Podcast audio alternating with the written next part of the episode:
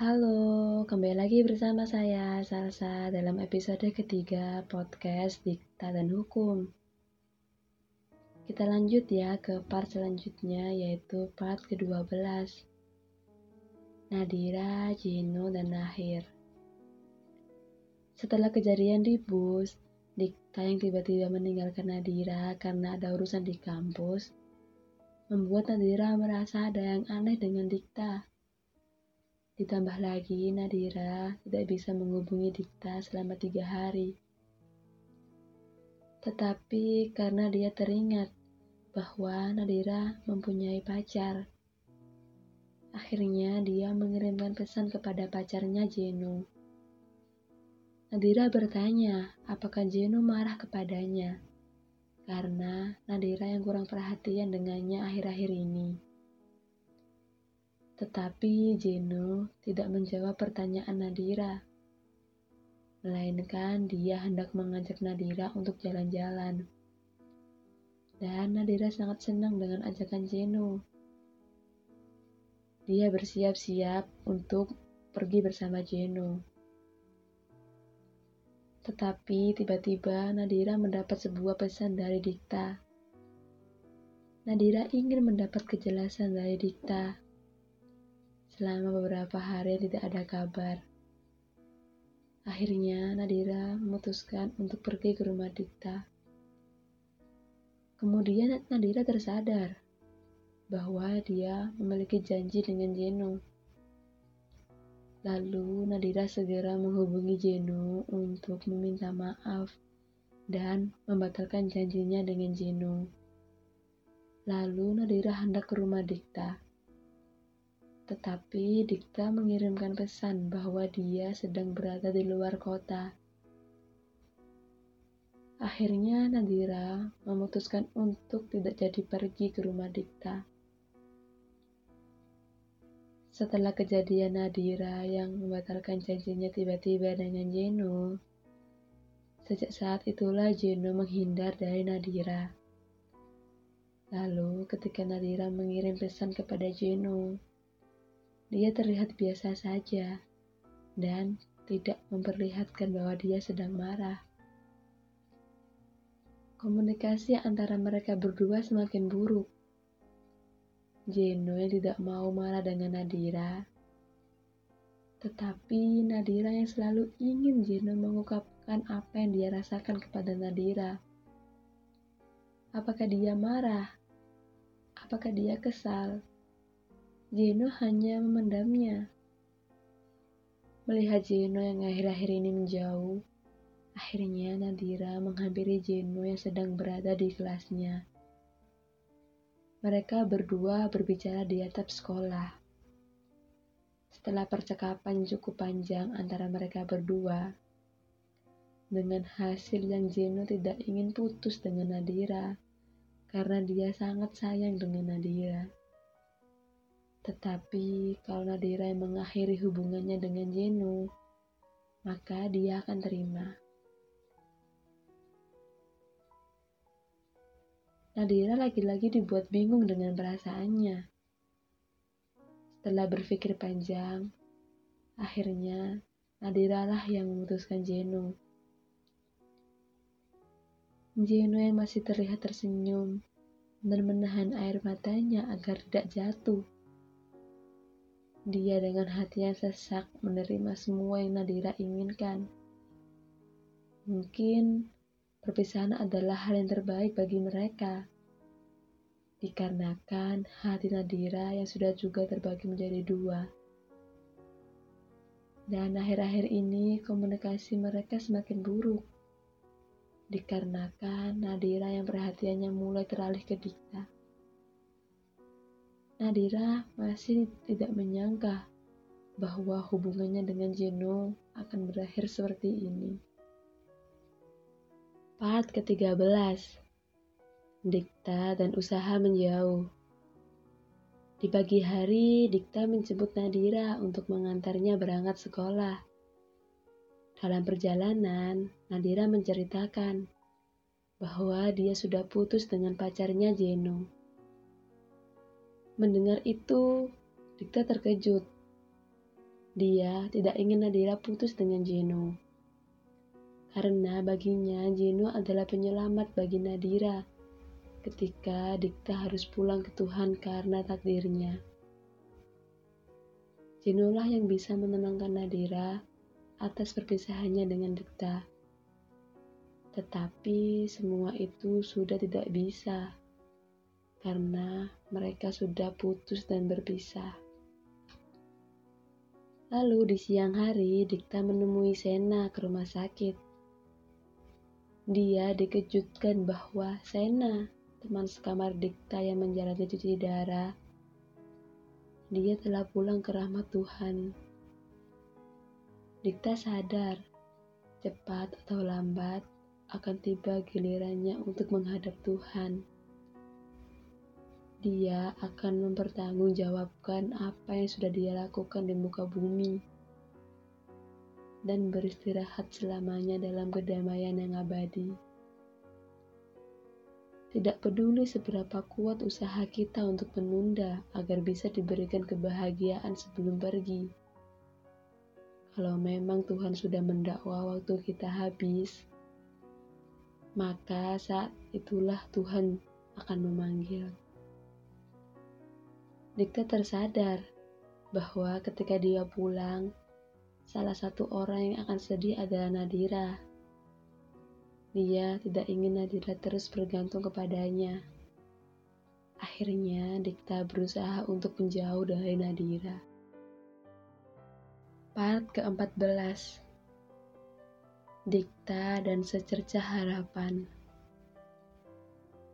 Dua minggu bukanlah waktu yang sebentar bagi Nadira untuk bingung tak karuan dengan sikap dingin dan ketus Dikta kepadanya. Setiap kali Nadira mengirim pesan, Dikta akan membalas dengan sangat lama dan sangat singkat. Dikta juga menolak ajakan Nadira untuk membahas soal-soal yang sudah dia kerjakan dengan alasan Dikta sibuk revisi dengan skripsinya. Namun, Nadira tidak percaya dengan semua alasan itu. Dia yakin ada sebab lain Dikta menjauhinya. Nadira merupakan orang yang paling tidak bisa didiamkan tanpa sebab oleh orang lain dia akan terus berusaha untuk mengetahui alasan dibalik itu semua. Dan terbukti dengan Nadira yang nekat untuk menemui Dikta di rumahnya sepulang sekolah. Seperti didukung oleh semesta, akhirnya mereka berdua dipertemukan di depan rumah Dikta.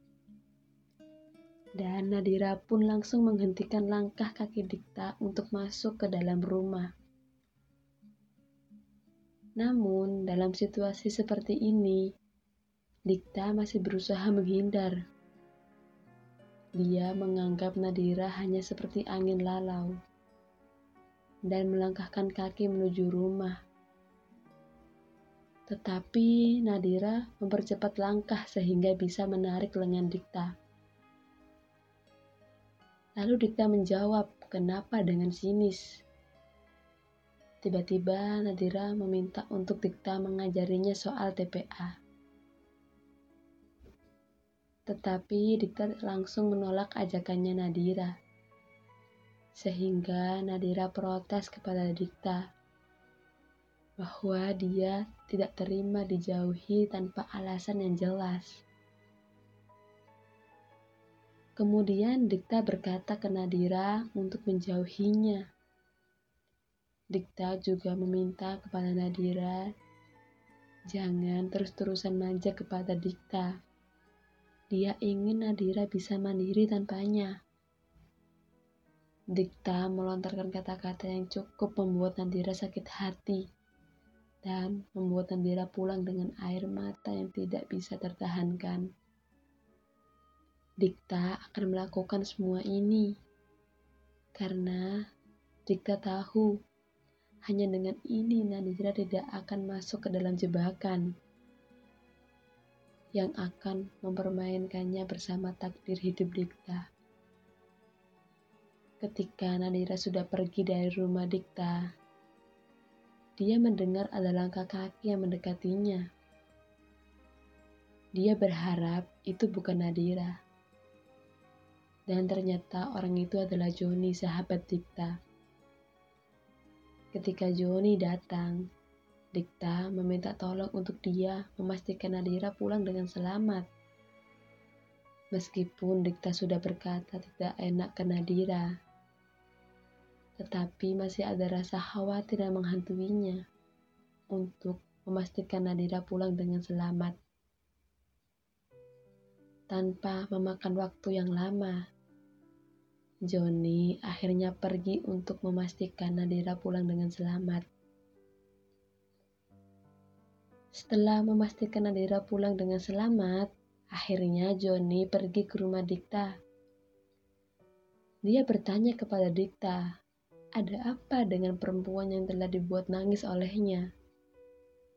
Dikta menjelaskan bahwa jika Nadira menaruh harapan kepada Dikta, itu akan membuat Dikta merasa bersalah kepada Nadira. Karena dia akan meninggalkan Nadira yang sudah menaruh rasa kepadanya. Tanpa Dikta sadari, dia sendiri juga sudah menaruh rasa kepada Nadira. Dikta yang dulunya menganggap Nadira sebagai adik teman kecil, tetapi sekarang perasaan itu berubah. Mendengar curhatan dari Dikta, Joni memberikan saran bahwa mencintai itu merupakan hal yang wajar, dan kematian itu sudah diatur oleh Tuhan. Joni menjelaskan bahwa umur tidak ada yang tahu. Tugas Dikta sekarang adalah menikmati segala hal yang dia suka dan dia inginkan. Joni ingin Dikta mengejar Nadira yang telah dibuat nangis olehnya. Menurut Joni, bahwa apa pun yang diinginkan dan itu akan membuat dia bahagia, maka harus diperjuangkan disertai doa dan sisanya dia ingin menikmati hidup tanpa pergi dengan banyak penyesalan. Mendengar kata-kata yang dilontarkan Joni, Dika termenung, memikirkan kesalahan yang dia perbuat kepada Nadira tadi. Akhirnya Dikta memutuskan untuk pergi ke rumah Nadira dan meminta maaf atas kesalahan yang dia perbuat hingga membuat Nadira menangis. Part 15 Dikta, Nadira, dan pengakuan rasa Sudah hampir dua jam Dikta menunggu di ruang tamu rumah Nadira dengan sekotak martabak keju yang dingin. Nadira jelas mengetahui kedatangan Dikta, tetapi dia masih enggan menemuinya. Dikta berkali-kali mengirimkan Nadira pesan agar mau turun sebentar dan membicarakan peristiwa tadi. Tetapi Nadira tidak menyahuti sama sekali. Bunda yang bingung dengan apa yang terjadi juga ikut membantu Dikta. Nadira yang tidak ingin menemui Dikta dengan alasan fokus belajar dan tidak mau diganggu oleh siapa pun tanpa pengecualian. Tetapi Bunda Nadira terpaksa harus meninggalkan diktat yang menunggu Nadira karena ada kepentingan arisan ibu-ibu. Ingin rasanya Bunda Nadira membatalkan acara tersebut, tetapi dilarang oleh Dikta. Dan akhirnya Bunda pergi dengan naik taksi. Setelah menunggu cukup lama, Akhirnya Dikta memutuskan untuk naik ke lantai atas, tempat kamar tidur Nadira berada. Tetapi Dikta tidak ingin masuk ke kamarnya, melihat kondisi Nadira yang rapuh. Dikta yang mencoba berbicara kepada Nadira melalui balik pintu, tetapi tidak ada respon sama sekali dari Nadira. Tetapi Dikta masih berusaha untuk membuat Nadira berbicara kepadanya. Setelah mencoba beberapa kali, akhirnya Nadira mau berbicara dan mengungkapkan segala yang dia rasa selama ini. Mendengar perkataan Nadira membuat Dikta sesak karena selama ini dia sudah membuat orang yang dia sukai terluka karenanya. Akhirnya Dikta mencoba berbicara kepada Nadira perlahan demi perlahan, memberikan pengertian dan meminta maaf kepadanya. Secara tidak sadar, Dikta juga mengungkapkan rasanya kepada Nadira. Nadira terdiam mendengar perkataan dan pengakuan dari cowok yang berada di balik pintu tersebut. Dikta meminta Nadira untuk keluar dari kamarnya sebagai jawaban atas pengakuan rasanya. Sempat terjadi rasa gelisah pada Dikta karena Nadira tidak kunjung keluar dari kamarnya. Tetapi Nadira akhirnya memutuskan untuk keluar dari kamarnya dengan rasa malu karena perkataan yang dia lontarkan ke Dikta dan muka sembabnya yang masih sedikit menangis. Tanpa ragu, Dikta akhirnya memeluk gadis di depannya dan menenangkannya. Terdengar suara jantung yang amat kencang dari kedua pasangan tersebut. Setelah keadaan membaik, Dikta menawarkan martabak keju yang dia bawakan untuk Nadira untuk dia makan. Sebelum Nadira memakan martabak keju yang diberikan Dikta, dia meminta kejelasan Dikta dari hubungan yang abu-abu ini. Lalu Dikta menjawab bahwa mereka resmi berpacaran dan keluar dari zona abu-abu yang menyiksa keduanya. Oke guys, itu tadi adalah beberapa part dari cerita Dikta dan Hukum. Part selanjutnya akan ada di episode 4 yang akan tayang dalam secepatnya. Sekian dalam podcast episode 3. See you, sampai jumpa lagi.